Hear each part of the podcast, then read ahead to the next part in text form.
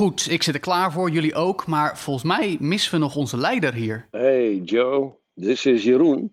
En vandaag mag jij even voorgaan, want ik geniet nog even lekker van mijn vakantie. Good luck. Daar maak er wat moois van. Is dit niet een, eh, een Bottas dingetje? Ja, ach, als zelfs Robert Doornbos de presentatie van Formule 1 Café kan overnemen, moet dit ook wel lukken. En ik heb vanochtend een bordje pap gehad, dus eh, dat moet goed komen. Hoppa.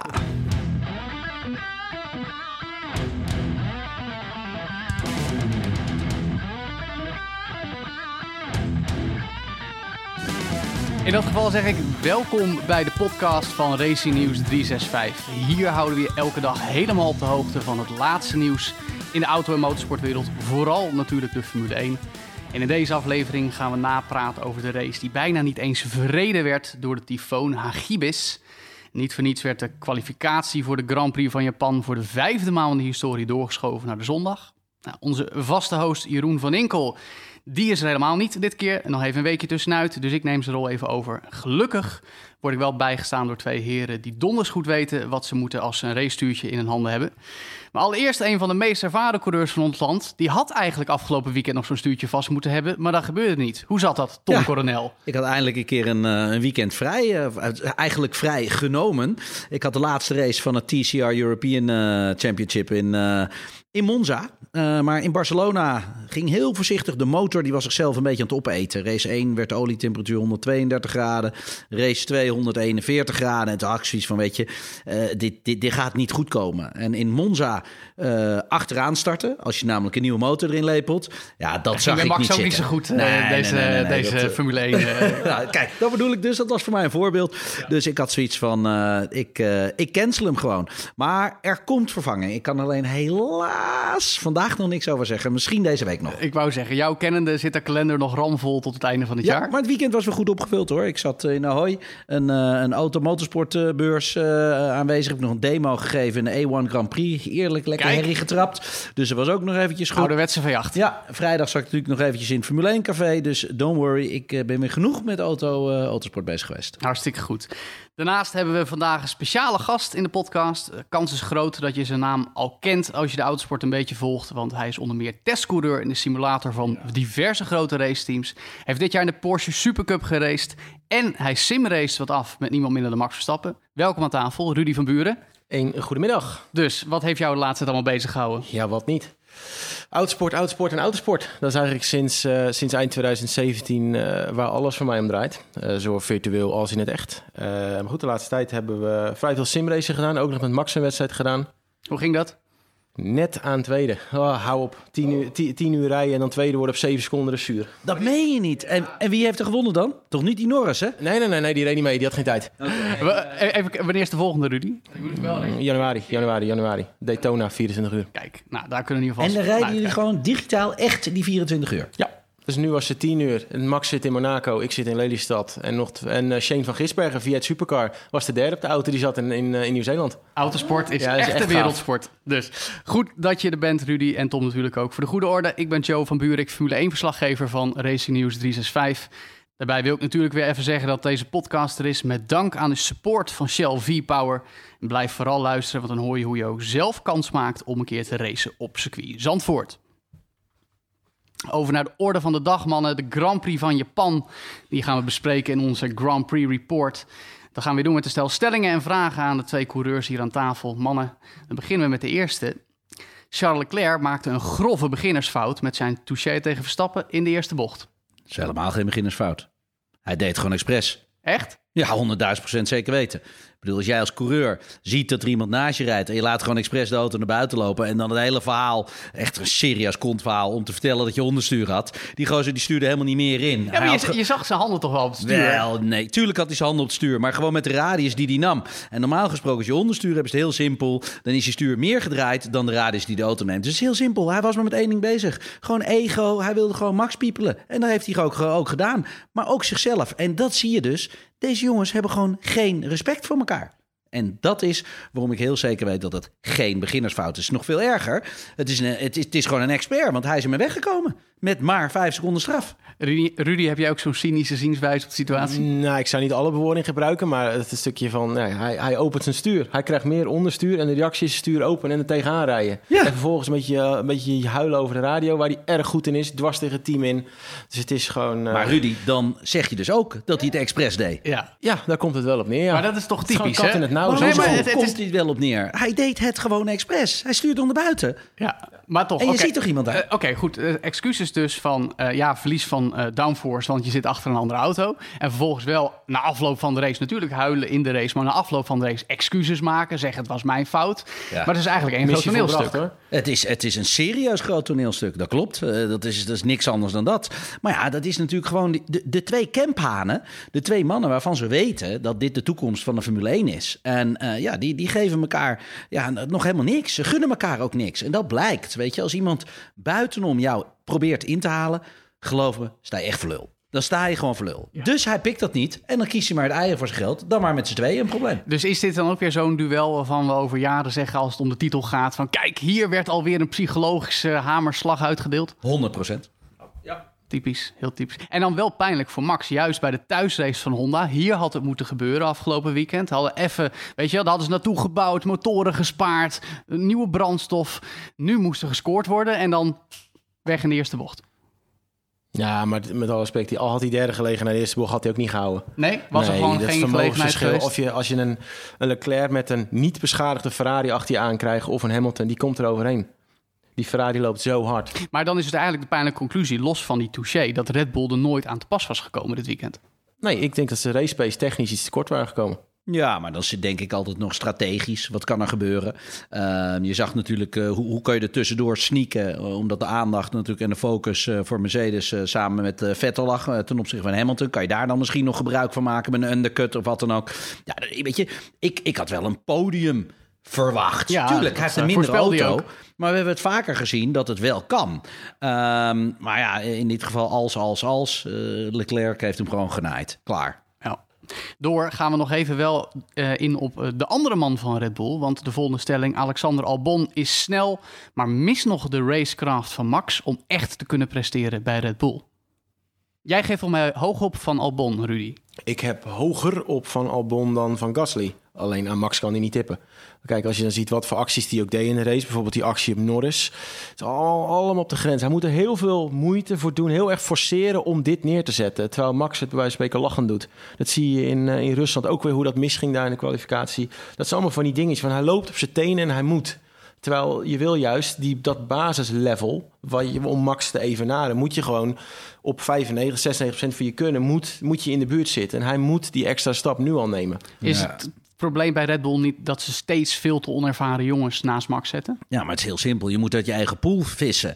En wat is Ja, maar dan krijg je onervaren? dat dus. Eh, kijk, joh, eh, al zet je Alonso ernaast. Ik bedoel, eh, eh, een Ricciardo is, is ook gewoon weggegaan. Ja, die is voor geld gaan kiezen. Want die Ja, maar ziet die was gewoon wel snel met dat die hij gedegradeerd werd. Snel, snel. Kwam gewoon zestiende gemiddeld. Ja, maar hij, race, race hij, hij tekort. won races. Ja, ja, weet je, maar wel zestiende. En En dat dat gaat ook, hè? Ja, dat is waar. ja, weet je, dit gaat aan je knagen s'nachts als je in bed ligt. En dat doet, doet pijn aan je ego, aan alles. Dus het is heel simpel. Naast Max wil je gewoon niet zitten. En dat is waar eigenlijk het probleem zit. Het zit niet in het probleem dat die anderen niet snel zijn. Die anderen zijn supergoed. Maar het is gewoon heel simpel. Naast Max zie je er gewoon een beetje lullig uit. ja. Ja, in de categorie teamgenoten nog een stelling, mannen. Hamilton werd niet genaaid door de strategie van Mercedes, zoals hij zelf suggereerde. Bottas was dit weekend gewoon beter. Ja, punt. Start van Bottas was goed. Eh, kon gelijk wegrijden. Maximaliseert wat de Mercedes daar op dat moment kon. En Hamilton zat vast achter Vettel. Had maximaal tweede geworden, wat ze ook geprobeerd hadden. Nou, en eh, laat Bottas ook een keer winnen. Dat is goed voor de teamspirit. ja, maar wat wel heel gaaf is, en dat zie je typisch. Als Hamilton niet de nummer één man is, dan zie je hem ook een beetje, een beetje gek worden. Is kop, weet Ja. je wel. Dan gaat hij Dus excuses wil je geen vragen meer beantwoorden? En, en, eh, en is, het- ja, dan, moet, dan gaat ook daar dus het egootje van het mannetje gaat serieus spelen. En, en hij, ja, hij, hij accepteert het dan gewoon niet dat ze toch ook een keer voor Bottas kiezen. Terwijl terwijl die, die gozer was gewoon sneller, hij was gewoon slimmer, hij was gewoon beter. En dan, dan, dan mag hij ook winnen. Alleen, weet je, en dan, ik zag het ook, jongen. en Ja, ik kijk dan naar die dingen. Hij stapte uit en dan ging hij toch nog een beetje om zijn auto heen lopen. Ging hij een beetje kijken naar, naar zijn bodemplaat en de achterkant. Denk jochie, wat wil je nou vertellen? Wat wil je nou vertellen? Accepteer eens een keer dat je ook eens een keer een off-day kan hebben. Dat iemand anders gewoon beter is vandaag dan jij. Maar dan is het toch typisch dat dat Bottas is. Juist de Bottas die we al een paar keer hebben afgeschreven. Juist de Bottas waarvan we zeggen, die zit nu al voor het derde jaar. Straks het vierde jaar bij Mercedes. Dat topstoeltje zou niemand anders moeten gaan. Hij flikte dan toch wel weer even op Hij is gewoon dag. goed. Ja, Natuurlijk. toch talent dus. Ja, maar natuurlijk heeft hij talent. Ik bedoel, hij, hij heeft races gewonnen. Hij, hij doet gewoon, gewoon echt wel mee. Alleen ja, om je te meten tussen deze toppers. Het is natuurlijk het wereldkampioenschap, het ultieme eh, topje van, van, van de piramide van, van autosporters. Ja, weet je, ja, dan gaat het soms wel goed en soms niet. Ik, ik heb serieus hoge petten van Bottas. Ik heb hem zien rijden in, in Zolder toen in de Formule Renault-periode. Toen hij net een kartje kwam. Die gozer degradeerde het hele veld tot twee keer toe. Die spinde, die lag op kop na 10 seconden. En die reed gewoon weer terug een kop. En die wint die race met 18 seconden Ja. in dezelfde auto. En zo heb ik hem twee keer de Masters zien En- winnen op Zandvoort. Dat bedoel ik. En Masters winnen, serieus, dan ben je geen pipo. Dan kan je, weet je, dan. Dus omdat je- jij hem ook gewonnen hebt, of niet? Ja, nou ook, zeker. Ik was ook zeker in die periode eh, geen pipo. Ja, nee, was, dus dat, eh, dat, dat, eh, ik bedoel, het heel wel. simpel. Mark Webber eh, derde, eh, eh, wat was het? Montoya zesde. Ik bedoel, eh, het waren gewoon serieuze toppers allemaal bij elkaar. Eh Heidveld, dat was in die periode. Ja, de allerdrukste Masters ook ooit. 56 deelnemers eh, met de pre-finales en weet ik allemaal veel. Ja, en ik start als vierde en ik won hem. Ja, ik durf te zeggen, toen was ik onverslaanbaar met alles waar ik me reed. Nog even terug naar Bottas, want wat wel typisch is. ehm, nee, Toen, hè? zonder gek. Toen, precies. Bottas, die staat er ook dit seizoen een beetje onbekend dat hij zijn racecraft niet zo goed opbouwde als eh, Hamilton. En dit was een circuit waar juist bandenmanagement weer heel erg belangrijk was. We hadden natuurlijk de regen op zaterdag gehad in Suzuka, spoelde de baan droog. Daardoor werd de slijtage eh, heel erg eh, hoog, begreep ik, van de analisten. En dat is wel lastig om dan toch dat 53 ronden lang vol te houden.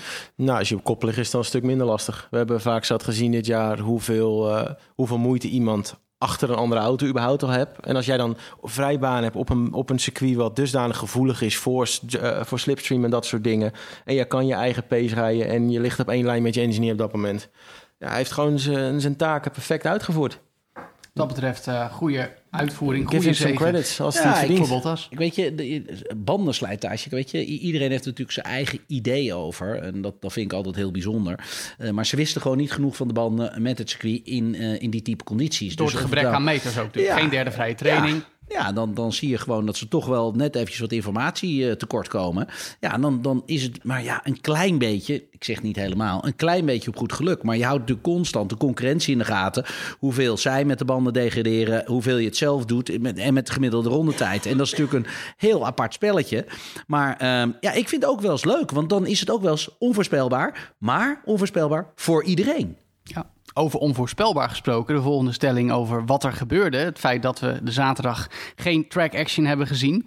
En daarmee is bewezen dat eh, een Formule 1 weekend eigenlijk prima uit twee dagen kan bestaan. Of niet? Ja, en dat, kijk, zeker als je ziet dat, eh, wat ze met die kalender willen doen, hoeveel races ze er eigenlijk van willen gaan maken, kan het best wel iets zijn eh, voor in het achterhoofd dat het toch nog iets meer rust geeft op, het, eh, ja, op de werkdruk voor de werknemers, zou ik zo wat zeggen. Voor die coureurs is het allemaal een lachertje. Je vliegt overal naartoe, je doet wat je leuk vindt, je krijgt goed voor betaald. Ja, maar dat zijn Max ook. Hè? Ja. Als er nog meer races bij komen, dan gaan we echt scheidingen krijgen met de mannen in het team. Het is de, de aanhang, is het probleem. Jongens, eh, kom op. Je wordt goed betaald. Je hebt hiervoor gekozen. Je doet waar je zin in hebt. In Amerika, NASCAR reizen nog veel meer races. Zijn ze nog veel meer weg. In Argentinië ken ik niet anders dat die coureurs gewoon eh, eh, 45 weekenden per jaar dat ze weg zijn. Drie verschillende series rijden. Niet eens één series. Dus nou even niet naast je schoenen gelopen als Formule 1-rijder. Gewoon niet maar- mopperen. Racen. Wij vinden het gaaf. Wij kunnen erover praten. De fans vinden het gaaf. Wij willen gewoon meer Ja. races zien. Ik, ik ben toch benieuwd of alle coureurs daar zo in staan. Want er zijn nu best wel veel kritische geluiden, juist vanuit de rijders. Niet zozeer vanuit hun eigen positie, maar vanuit die mannen van de teams. Eh, en natuurlijk ook eh, het, het feit dat, ja, dat is denk ik nog wel de belangrijkste overweging, het financiële plaatje meespeelt. En is de vraag, gaat de Formule 1 meer Grand Prix aantrekken en daar meer geld mee ophalen? Eh, of ja, wat gebeurt er als je zo'n weekend gaat verkorten? Want dan kun je ook weer minder veel geld vragen. Want er wordt geen drie dagen gereden, maar twee. En dat is natuurlijk een moeilijke afweging. Het is Ja, allemaal maar ja, hè? eh, meer races is meer promotie. Meer promotie is eh, meer waarde voor de sponsors. Dus automatisch ook meer ophalen. Dus eh, ja, ik, ik heb gewoon zoiets van... Volgens mij moet je ieder weekend rijden. Waar hebben we het dan over? Ja, Want dat maar- is toch de Maar, marketingwaarde? zo- zo- maar inschat? wat zouden we dan beter kunnen hebben? 25 Grand Prix met twee dagen rijden? 25 maar bedoel je? Nou ja, goed. Oh. Of, eh, nou, oké, dan gaan we een stapje terug. hebben? Gaan we een stapje terug, gaan we naar 18, 18 Grand Prix en dan eh, met drie dagen rijden. Weet je? Dat is een beetje de afweging die ze moeten maken. 30 Grand Prix met drie dagen. Nee, maar Zo, eh. Joey, ik rij ieder weekend. Dus what's the problem? Ik weet niet hoe ze dat bij jou thuis vinden. Ja, heel lekker. Waarschijnlijk Ben ik er niet, lekker heeft ze rust. Ja, lekker rustig. Nee, maar joh, wat, wat een onzin hoe die mensen praten. Wat, wat, moet- wat moeten ze nou allemaal doen? Racen, dat is, dat is wat je wil. In hart en nieren ben je daarvoor gemaakt en geboren. En het is je passie. Niet mopperen. Gewoon zoveel mogelijk scheuren wat je wil. En door. Eh, nog even over de techniek. eh, een stelling, eh, of eigenlijk een vraag meer. En dan wil ik als eerste Rudy aankijken. Want volgens mij weet hij heel goed wat er speelt. Ook door zijn rol in de simulatieontwikkeling. Speelt Renault nou vals met die voorgeprogrammeerde rembalansinstellingen. Waar Racing Point nog een protest over indiende na de race? Nou goed, om het even samen te vatten wat er nou eigenlijk gebeurt. Ze hebben naar verluid een systeem op de auto zitten die gewoon weet... de auto rijdt op dit punt, bij deze bocht is deze rembalans ideaal. En normaal doen ze dat op de vinger. Je ziet natuurlijk bij de onboards en de kwalificatie... vaak zal het rembalans en dingen veranderen. Ehm, Kan, kan je even uitleggen aan de fans, als je eh, langzaam, eh, langzame bochten of hairpins of, of eh, weet je, even de remdruk. Ja, kijk, over normaal, normaal gesproken hebben- heeft een, een, een, een raceauto heeft natuurlijk bij een bepaald type bocht een, een, een hoe zeg ik dat? Een ideaal punt van de rembalans. Voor sommige bochten wil je hem verder naar voren, verder naar achter. Dat verschilt weer een beetje per auto ook. Maar een Formule 1 auto is dusdanig gevoelig dat je eigenlijk per bocht heb je wel een andere ideale rembalans. Als je dat als coureur met een, met een, met een draaiknopje op je stuur per bocht moet gaan veranderen, dat wordt op een gegeven moment te veel. Ja, maar goed, tegenwoordig kunnen ze dat automatiseren. Maar dat mag dus niet. Alleen Racing Point zegt op dit moment dat Renault dat wel heeft gedaan in Suzuka. En daar misschien wel iets voordeel uit heeft gehad. Maar Racing Point zegt dus dat Renault iets gedaan heeft... waarvan Racing Point zegt dat het niet mag... maar wat eigenlijk misschien toch wel mag. Maar hoe weet Racing Point dat? Nou, dat is ook wel een mooie. Als je alle Formule 1 teams, of in ieder geval de grotere, die hebben dan iets, dat noemen ze race support of whatever. Maar het komt puntje paaltje op neer. Ze hebben op de fabriek gewoon 20 man zitten. Die gaan allemaal kijken meekijken en luisteren. Ja. Die zitten, rapporteren alles. Eh, gaat de andere motormodus, verandert de rembalans. Alles wordt gerapporteerd. Dus iemand heeft gewoon op die camera zitten kijken de hele race. Die ziet die dash springen terwijl die handen niks doen. Dat is eigenlijk wat er geconstateerd is. Dus nu is alles in beslag genomen. Het was al verzegeld voor het weekend. Ja. En gaan ze dus checken of dat ook echt gebeurd is. En wat denk jij dat er nu gaat gebeuren? Ja, dan gaan ze zeggen, foei, dat mag niet. En dan... Gebeurt er het- verder niks. Ja, er zijn wel meer duistere dingen in Formule 1. En zolang je niet gepakt wordt, is het niet legaal. Dus eh, top. Maar dit is dus een categorie grijs gebied. Daar ben ik het helemaal mee eens. En dit heb ik geleerd Dit van heb jij ook Twan, gedaan, Tom. Twan Heesmans. Ja, ja, Waar ik ja, ja. eergisteren nog mee uit eten was. Oh, jee. Eh, eh, bij Nick Vollenbrecht eh, eh, gingen we uit eten. En ik zei altijd, joh, dat was mooi jongen met Twan. Die had een inlaat. Nou, die was echt drie keer groter dan alle anderen met de Viper. Ik ging buiten om de fabrieksviper voorbij. In de banking. En toen zei ik, maar Twan, dat kan toch, is toen niet eerlijk? Hij zei, weet je wat niet eerlijk? Wij hebben 1 miljoen en zij hebben 10 miljoen. Dat is niet eerlijk. En hij had nog gelijk ook. Maar misschien was het ook een beetje opvallend, Tom Coronel, om even aan te vullen dat jij de eerste ronde niet doorhad hoe krachtig het was. En fluitend voorbij iedereen reed, waardoor het wel opviel dat er een voordeel aan die Vipers zat. Nee, ik kwam harder de bocht uit. Ik had meer grip bij de tractie. Eh, drinkfles met kwik erin en dat soort dingen. Uiteindelijk allemaal mooi. Ja, ja, ja, ja echt eh, serieus. Ja, bij Twan eh, kan je het echt, werden, werden zelfs karts volgespoten met kwik. Precies. Zo kunnen we nog een hele vol podcast vol over illegale zaken in de autosport. Goed, mannen, we gaan even kijken naar de keiharde voorspellingen en vooral de prestaties die daarbij geboekt zijn afgelopen weekend. Dan pakken we ook die van eh, eh, Tom en mijzelf even bij, want eh, wie zou nou eigenlijk de pole position pakken? Tommy voorspelde Leclerc. Ja, Ik zei Lewis Hamilton. Het bleek Sebastian Vettel. Met gewoon een heel goed rondje in een Ferrari die meer motorvermogen heeft, toch? Ja, nou, perfect. Goed gedaan. Ja beide zaten kan er het gewoon nog. helemaal naast. Ja, maar hij kan het nog. En, en ik, wil, Ja. ik wil dan wel weer even aantekenen. Vettel is gewoon weer aardig in vorm. Weet je. Hij heeft in Singapore gewonnen. Hij is in Rusland best goed bezig. Hij ook staat onder druk. En, Ja, maar hij heeft eh, zich wel herpakt. En dat is dus belangrijk aan twee goede rijders. En dat mis ik dus eigenlijk gewoon heel simpel bij Red Bull. Weet je, als iemand in je nek zit te hijgen, ja, weet je, dan, dan, dan, weet je, dan word je een beetje een hoek ingedrukt. En, en ja, dan verbeter je jezelf mekaar. En dat, dat is wel wat mijn gevoel zegt, wat, wat, ja, wat ze daar nu missen. En je ziet dat de Vettel echt wel wakker is geworden van die tik op de neus van, eh van Leclerc. Want die, die, die is wel constant zo van, hallo, voel je dit? dat ben ik. Trikjes. Ja, gewoon Hoe ging het bij jou? in zijn nek hijgen. Ja, Ja, Gewoon, en, hoe en was dat is jouw sessie? Ja, Ja, maar even om even op Red Bull terug te komen. Dat, ik heb diezelfde vraag ook al aan Max gesteld. Van, mis je dat niet? Dat je in de kwalificatie in gaat en dat je eigenlijk weet... ik moet 101% of ik word door mijn teamgenoot gepiepeld. Nou, het antwoord is kort ja.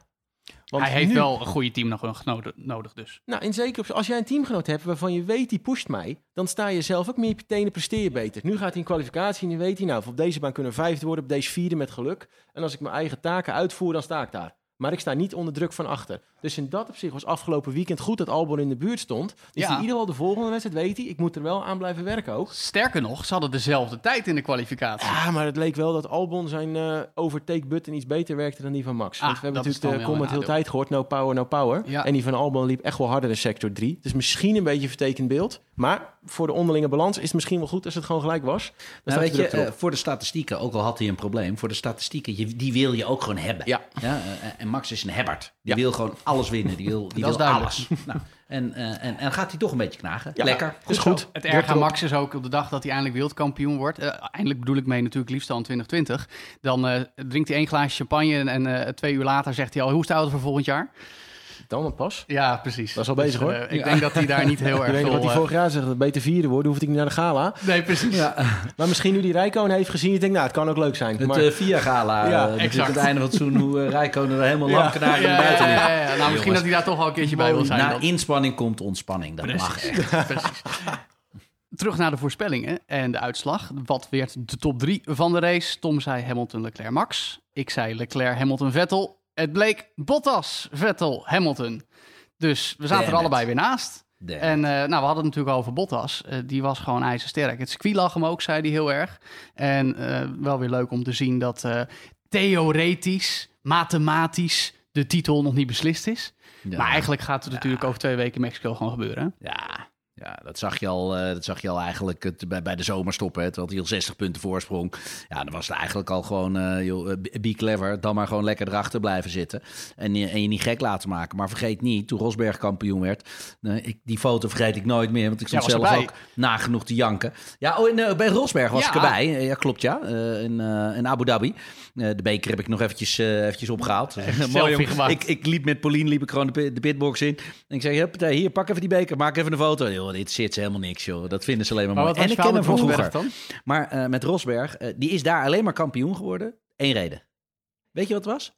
Maleisië, wat gebeurde daar? Ja, daar ging Hamilton's motorstuk. Ja, dat hij naast de auto Ja, zat te knielen. op zijn knietjes. knielen, Ja, helemaal in. En toen dacht ik, wow, shit. Hij gaat hem niet winnen. En puur alleen dat die motor daar stuk is gegaan, is Rosberg kampioen geworden. Echt waar. Dat is interessant. Om even vooruit te blikken op volgend jaar. Kijk, Ferrari heeft... Ja, nee, dat goeie. Ferrari heeft nu het moment weer te pakken. Dat is duidelijk. Je hebt een goede zomerstop gehad. Een paar races gewonnen nu. Kunnen ze dit volhouden? En, en zeker omdat je toch weer min of meer een nieuwe auto moet ontwikkelen voor 2020. Natuurlijk is het wel een evolutie van de huidige formule. Om gelijk in Australië er te staan. Ja. Ja? Nou, ik denk dat ze hebben nu natuurlijk één heel krachtig ding. En dat is de motor. En als dat de eerste stap al geeft, ze hebben minder downforce dan Mercedes op het moment, maar ze hebben wel nu een auto die in ieder geval roteert. Dat was in het begin Dat het probleem. instuurt. Ja, dat beter dat hij instuurt. In het begin misten ze gewoon grip aan de voorkant. Ze konden niet de bochtensnelheid houden die ze En wouden. vooral Vettel had dat nodig. Ja, Vettel is iemand die moet een hele, ja, bijna nerveuze auto hebben om, om hard te gaan. Uh, maar goed, ze, wat ik zeg, ze hebben de motor, ze hebben de voorkant nu aan het werken. Ik ben eigenlijk zo wat bang voor Mexico. Dat het dit jaar uh, geen Mexico gaat worden. Want als die Ferrari-motor daar natuurlijk doet wat hij nu op de andere squeeze doet... Ja, mits die heel blijft op die hoogte met die power... Ja. kan het ook wel eens een heel erg Ferrari-weekend gaan worden. dus met een klein beetje schot voor de boeg zeg jij Ferrari favoriet in Mexico. Absoluut. Zo. Kijken we nog heel even naar de eerste uitvaller in Japan. Want daar voorspelde Tom natuurlijk weer Romain Grosjean. Ik zei, Ja, die houdt erin. dat gebeurde niet. Ik zei Robert Kubica en ik kreeg nog een beetje gelijk ook. Want in de kwalificatie ging hij dus snoeihard vanaf. Ja. Maar mede door een spelletje dat volgens hem door Williams gespeeld wordt. We hebben het hier al vaker over gehad. Het feit dat er een nieuwe voorvleugel was, in dit geval in Japan. Die mocht hij dan niet gebruiken. En daardoor ging het opeens een stuk minder. En het feit dat hij op die manier nu een beetje gepiepeld wordt. Ja, gepiepeld, gepiepeld. Heel simpel. Deze jongen had gewoon niet eens in de auto moeten zitten aan het begin van het seizoen. Dus, dus dat is waar het al fout gaat. En eh, ja, eigenlijk, weet je, als je iemand, een, een, als je iemand moet van zijn stoeltje afwippen. en dat is uiteindelijk wat ze doen. Ja, dan helpen ze hem ook een beetje door wat minder onderdeeltjes te geven. Ja, zo is dat nou eenmaal in de autosport. Dat is wel weer En- naar, hè? Ja, nou ja, naar, naar, naar. Dat is gewoon autosport. Die gozer die kent autosport als geen ander. Dus Ja. die weet dat dit er gewoon bij hoort. En ja, weet je, ik, ik heb altijd zoiets. Roeien met riemen die je hebt. En niet, niet, niet, niet, niet pissen in je eigen bed. En dat is wat hij wel doet. Weet je, je hebt ervoor gekozen in het begin van seizoen. De langzaamste auto. Je weet zelf dat je ook langzamer bent. Dus niet zo mopperen. Ja. Geniet ervan. Enjoy the ride. En aan het einde van het seizoen afzwaaien en wat leuks gaan doen. En dan kan je Over- vooral zeggen, I was there. over afzwaaien gesproken. Degene die dat wel moest doen. Als enige Max in Japan, eh notabene. Dat hadden we niet verwacht natuurlijk. Maar het is wel de derde keer in vier races dat hij bij een incident in de eerste bocht betrokken was. En dat is natuurlijk wel een nare precedent.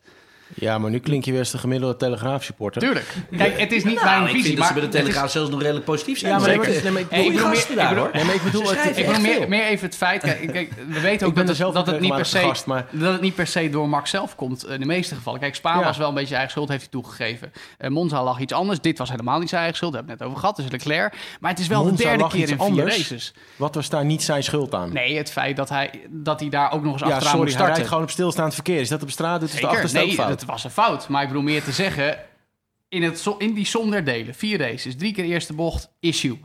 Dat is ja, natuurlijk nou, pijnlijk. Spa Monza kan je onder Joey, één ik pet moet je zetten. corrigeren. Het was Oh, de jee. tweede bocht. Tweede bocht. Ja, Nee, je kan dat het is twee- officieel heb je gelijk. Nee, hier deed hij niks fout. Hier werd hij gewoon gepiepeld, zoals we in het begin van de podcast al zeiden. Eh, niks aan Max af. Ik bedoel meer te zeggen, gaat dit niet Ik in je denk dat hoofd Max zitten? zelfs op safe ging hier in Suzuka. Ja. Je zag hoe mooi die aan Hij de de buitenkant bleef. Hij liet de gaf hem keurig de ruimte. Hij wist de naar Perez. volgende bocht Ja, dat hij in de zeker. knik dat Leclerc aan de buitenkant zou zitten. Dus ja, weet je, hij, hij was zichzelf top aan het positioneren. Echt waar. Ik bedoel meer te zeggen, we weten dat hij Max Verstappen is en hij zal het zelf ook altijd wegwuiven. Maar gaat dit in je hoofd zitten? Als je in zo'n korte periode... Nee, jawel, jawel, jawel. Bij iedereen wel, maar niet bij Max. Max is al bezig met de volgende wedstrijd. Ja, het zit hem helemaal niks. Je Nee. wil maar één ding. Ja, winnen. precies. Weet jij als luisteraar het nou toch beter? Vergeet dan niet dat je tijdens elk Grand Prix weekend zelf kan meedoen aan de voorspelgame op onze website. En dan maak je ook nog kans op mooie prijzen. Nu is het tijd om onze luisteraars en lezers weer te laten bepalen wat er besproken wordt in de Shell V-Power vragenronde. Heb jij een vraag over de Formule 1 of wil je iets anders weten over de autosport? Stel je vraag dan op de website van Race News 365 of via onze social media kanalen. Deze keer hebben we er ook weer een paar uitgekozen, speciaal voor Tom en Rudy. De eerste is van RaceFan33, goed getal natuurlijk. Gaan we vast nog een keer terugzien ergens in de autosport. Via de website. En de vraag is, waarom mag een Formule 1-auto de race vervolgen... ondanks het feit dat er een spiegel is afgebroken? Hoe kon Hamilton dan bijvoorbeeld zien dat er nog een auto in zijn rechterhoek zou komen? Ja. Ja, kijk, weet je, dit, eh, ja, dit is natuurlijk een hele goeie. Deze is natuurlijk een hele makkelijke inkopper en helemaal voor mij. Bij ons bij de tourwagens beginnen we met, eh, met de volledige auto. We eindigen met een halve auto. Dus eh, van bumpers tot een deur. Jij eh, bent gewend om met minder onderdelen Ja. te finishen dan je gestart bent. Ja, kijk, eh, eh, de regel is dat je ermee start. Dat is de regel.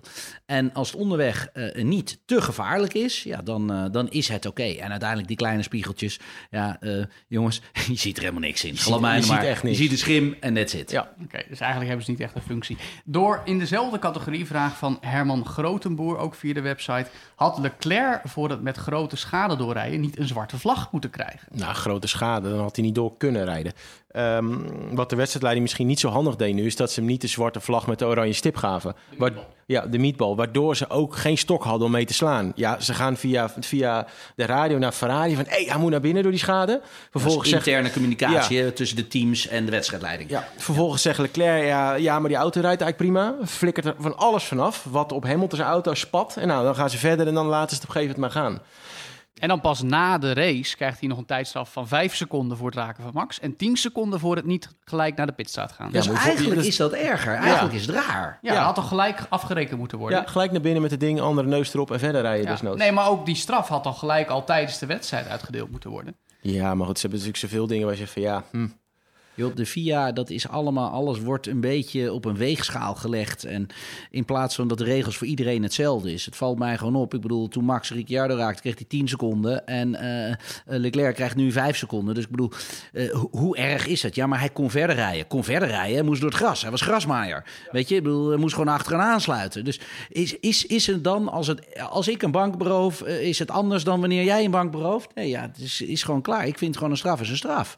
En, en ja, daar spelen ze iets te veel mee bij de FIA. Dat is, dat is het enige hoe ik erin sta. Maar ja, eh, bij, bij ons gebeurt het ook. Dus eh, het, het, het is wat het is. Weet je, Eh, je werkt met die organisatie en dat heb je gewoon te accepteren. In dezelfde categorie nog een vraag van Edwin Buitenweg, ook gesteld via de website. Zijn Leclerc en Ferrari niet een beetje de weg kwijt door de druk en of de prestatiedrang? Nee. Eh, Leclerc, ik denk, we, we kunnen, je kan erover gaan hebben of hij net zo goed is als Max of wat dan ook. Maar in het koppie is hij minimaal, zou ik zo wat zeggen, net zo goed. Misschien nog wel beter. Het is ook gewoon een arrogant rotkreng. En dat is ook precies wat je moet zijn op die functie. Daarom zet hij ze bij Ferrari ook langzaam stap voor stap naar zijn hand binnensdeurs. Omdat hij zich zo weet te manifesteren. Ja, absoluut. Dat, maar dat moet ook. Ja, maar als je, als, je, als je gewoon wint, of gewoon een pol staat, dan, dan, dan- heel simpel, dan verdien je gewoon strepen. Ja? Ja. En die gozer die heeft dit jaar en helemaal de laatste race zoveel strepen verdiend, dat ja, heel voorzichtig kiezen ze wat meer voor hem. Ik ben benieuwd of deze beantwoord wordt. Misschien wel dat Max hier iets over gezegd heeft tegen jou, Rudy. Een vraag van Highway House, ook via de site. Ik hoor niks meer van Aston Martin. Die zouden bezig zijn met het ontwikkelen van Formule 1-motoren. Kan iemand een update geven? Nou, even, dit spreek ik vanuit mij en niet vanuit Max. Laat het Ehm, duidelijk zijn. Ja, laten we dat even duidelijk houden. Volgens mij hebben ze daar een paar jaar geleden al de stop in gezet... omdat het financieel gewoon niet te doen was. Sterker nog, Aston Martin staat er financieel best wel slecht voor. Volgens mij het is het gewoon broodje aap en moeten ze gewoon met Honda verder. Ja, En, eh, en is dat ook de visie die ze allemaal hebben. Het is toch wel heel raar dat de Aston Martin op de auto staat, terwijl er een Honda-motor ingelepeld zit. En Ja. hoe kan je... Ik heb nog nooit twee dezelfde eh, sponsors op mijn overal gehad. Ik van een- ik- ik van hetzelfde branche bedoel je? Helemaal geen kut van. Het rare is ook een beetje, het is meer een beetje als een soort handshake deal ontstaan, weet je wel. Adrian Newey ging bij Aston Martin meewerken aan die nieuwe supercar, of hypercar, de Valkyrie. En ondertussen kwam de sponsoring op de auto te staan, maar het gaat daar niet goed bij Aston Martin. Binnenkort nog een groot verhaal erover op onze website. Want we moeten nog maar zien of dat eh, nog heel veel gaat opleveren. Nog een vraag dan als laatste van Jan RBR, ook via de website. Die kwam natuurlijk net al even langs. Robert Kubica en het feit dat hij in de kwalificatie een opvallende rijdersfout maakte in zijn ogen. Eh, dat, nou, de situatie dat ze hem wel een voorvleugel moesten geven. Maar Jans vraag is erbij: is dit een voorbeeld van per ongeluk schade rijden zodat je een update kan afdwingen? En zo ja, hebben jullie dit in je eigen carrière wel eens gedaan of andere voorbeelden? Oh ja, oh ja, dat heb ik zeker wel eens gedaan. Nou, Tom Coronel. Ja, nou, het, het- ik, dit is wel een mooi verhaal. Dat was trouwens in Suzuka. Dan hadden we een Formule Nippon test. En dan had je, moest je banden testen. Ja, joh, je ging gewoon kapot, joh. Na, na, na, na 17 setjes was je weer helemaal op, joh. Je, je, je nek hield het niet meer. En dan eh, zetten wij gewoon de auto in de grindbak. En dan had je even twee uur pauze. ja, dus dan deed je het expres. En had ik zelfs een weddenschap met Pieter Dumbrek, Michael Kroem en Ralph Furman. eh, eh, wie het dichtst bij de bandenstapel kon komen. Want we waren eigenlijk allemaal naar de kloten. Allemaal centimeter in de broekzak. Ja, ja, maar kijk maar eens eventjes heel goed. Eh, Ralf Furman die heeft het volledig fout ingeschat. Want die reed namelijk zijn hele voorkant eraf. dus, nee, maar kijk, weet je, dus... Ja, ja, ik heb wel eens gehad dat een motor niet goed liep en, eh, en dat ik hem eventjes eens twee heb gezet. Ja, dan uh, huppatee, kleppen door, eh, door de tent heen en er werd een nieuwe motor ingelepeld. Dus ja, weet je, soms krijg je niet het volledige support van het team en dan moet je eventjes zelf een beetje, een beetje het baasje uithangen. Ja. Dat was ook wel een hele laffe crash hoe het eigenlijk begon. Kijk, Magnus die had overstuur, overstuur en het ging eraf. En dit is eigenlijk gewoon, oeps, grak, heel de linkerkant eraf. Ook achter nog even erin. Ja, mooi, kom erop met die nieuwe onderdelen. Ja, nou, Zo gebeurt het je, dan ook weer aan de andere ja, kant van het hek ik- in de autosport. Mm, de- deze crash was gewoon onhandig. Dit Ja. was echt, echt, eh, dit, dit, dit zag er niet uit naar mij eh, alsof hij dit expres eh, doet. Nee, nee. Laat het duidelijk zijn. Tom, jij mag nog twee kaartjes weggeven aan de leukste vraag. Helemaal waar. Eh, de leukste vraag, de leukste vraag. Help me nog één keertje. Nou, we hadden Leclerc en de, de spiegel die afbrak. Ja, We hadden over dat hij met de schade doorreed. We hadden de prestatiedrangen de weg kwijt zijn. We hadden Aston Martin en natuurlijk het nee. expres Nee, kapot nee, nee, nee, nee. Ik, ik, deze heb ik nog nooit gehoord. dus ik heb hier echt wel iets bekend wat ik niet had moeten doen. Die van Express, die schade rijden, vond ik wel een hele coole. Die krijgt twee kaartjes hier op de kartbaan in Huizen, waar we nu ook de podcast aan het opnemen zijn. En die kan hier komen karten op ons elektrische karts, de vette kartbaan hier bij Coronel. Heel goed. Jan RBR, jij mag ze ophalen. Vlak voor de slotfase van elke podcast eh, is nog altijd even tijd voor een klein beetje verdieping. Die ga ik dit keer even niet geven, want we hebben iemand met veel leukere eigen verhalen aan tafel. Rudy, tell us more. Wat houdt jouw werk nou eigenlijk in als sim-coureur-expert? Yes, nou laat ik even vooropstellen dat sinds ik de, de gaming competitie World Fastest Game in 2017 heb gewonnen, ik ehm, in een ander simrace milieu ben terechtgekomen dat normaal zou lukken.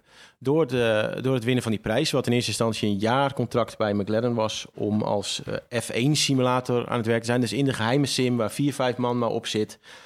Auto ontwikkelen, racestrategieën. Hoe, hoe vaak zit je dan in de sim? Ik had 26 dagen in het eerste jaar.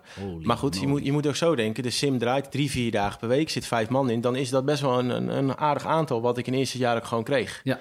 Ehm, inmiddels is dat werk wat ik daar doe niet meer alleen Formule 1 gericht. Ik zit nu bij alle, al- allemaal andere teams in andere categorieën. Ik heb weliswaar concurrentiebedingen dat ik maar voor één team in een klasse mag werken, wat logisch is, omdat Ja. je inside info hebt. Wel- Welke klasses doe je nog meer? Formule E, Formule 2, Formule 3, Wauw. Ja, en Porsches doe je ook nog wel eens wat mee, denk ja, ik. Porsche. Dus Hey, ook- TCR, niks voor jou, zo'n voorwieltrekker.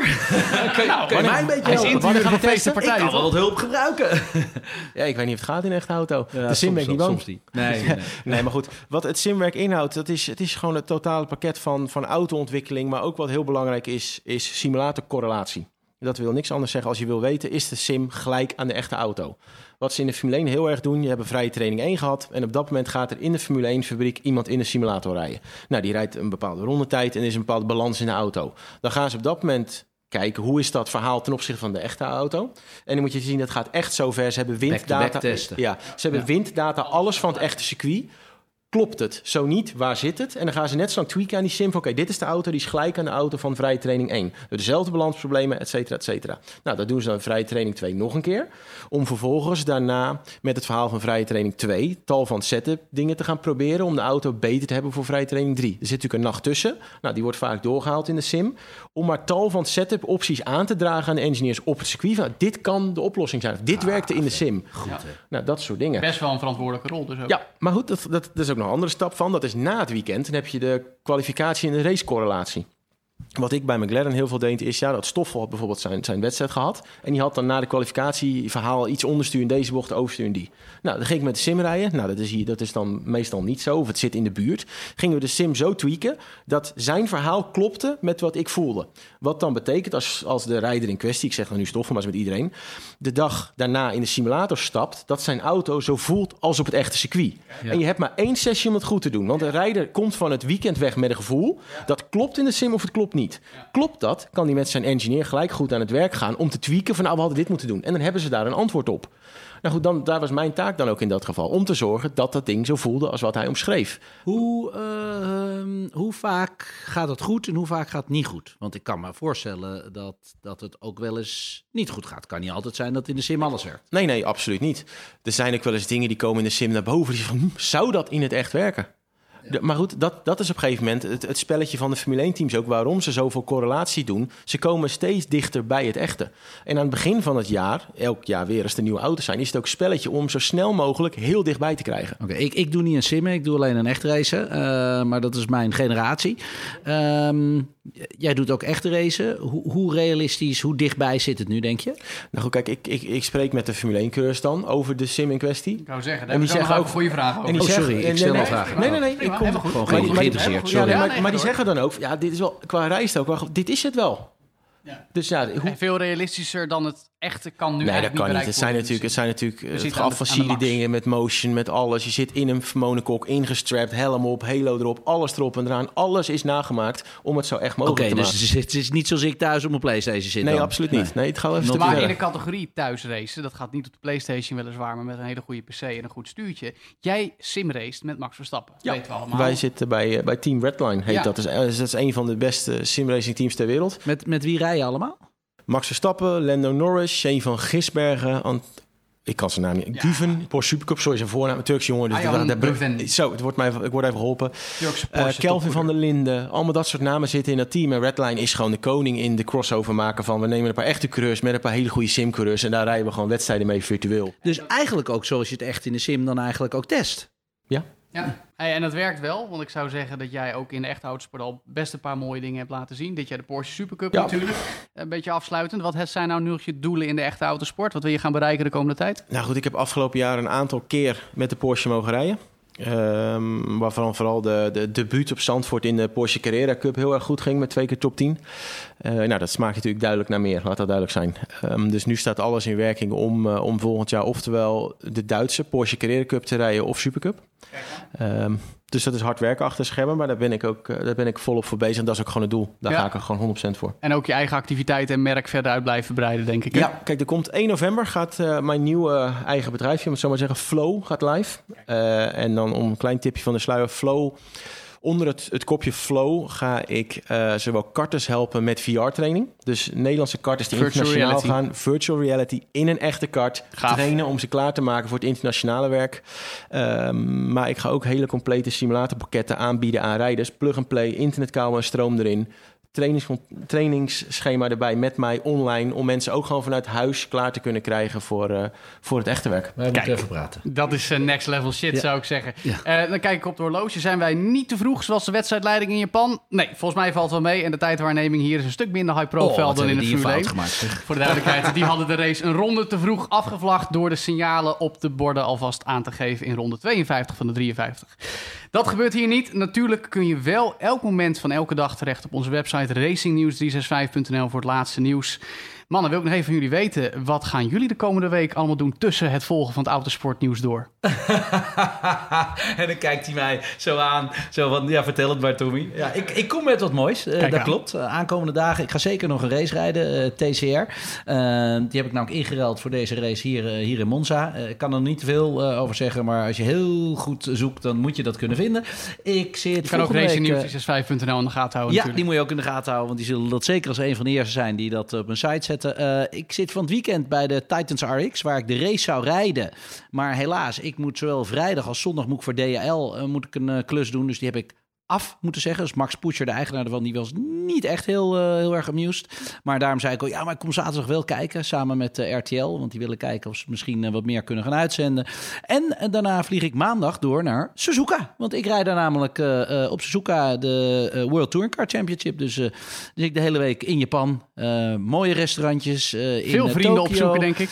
ik heb Tokyo Motor Show, moet ik nog wat dingen doen. En dan ga ik door naar het circuit, waar ik uiteraard mijn eigen kamer altijd weer heb. En dan gaan we gewoon eens even in Suzuka op het korte baantje. Wij gaan het korte baantje oh, rijden. Dus gelijk naar de S's rechtsaf. Dus Dunlop naar links. Dat wordt weer botsaudietjes. Dat wordt zeker weer botsaudietjes spelen. Want we rijden geloof ik iets voor 54 ronden geloof ik. Nou ja, in ieder geval veel te veel. Gekhuis. En, uh, en dan ga ik proberen een bekertje te winnen met mijn Cupra. Ja. Rudy, jij nog heel kort. Ik ga donderdag naar Las Vegas. Wij hebben daar uh, voor een gamingcompetitie zit ik daar twee weken. Dus gaan Las Vegas, San Francisco, Los Angeles, uh, Laguna Seca, Infineon Raceway. Ik ga alles zien. Dus ik ben benieuwd. Hoe Hartstikke vet. Mooi. Lucky bas. Het is zo mooi daar. Het leven van een autocoureur. Hier hoorde je twee keer aan tafel. Ik ga deze week naar Rotterdam, ook of all places, om daar op de Rotterdam Games Week de competitie rond Gran Turismo Sport uh, com van commentaar te voorzien. En natuurlijk ben ik weer de hele week bij Race News 5 voor de nieuwsvoorziening. Dit was hem weer, de podcast van Racing News 365. Dank dat je weer luisterde. Vergeet vooral niet om je te abonneren op deze podcast via Spotify, via Apple Podcasts. En laat daar ook even een recensie achter. Tot slot nog even belangrijk, deze podcast wordt mede mogelijk gemaakt door Shell V-Power. Neem vooral een kijkje op racingnews365.nl slash Shell V-Power aan elkaar zonder streepje. Als je daar aanmeldt, maak je kans op je eigen race experience. Net zoals deze man hier aan tafel op circuit Geniet van je raceweek. Tot de volgende podcast. Doei doei. Hoi hoi.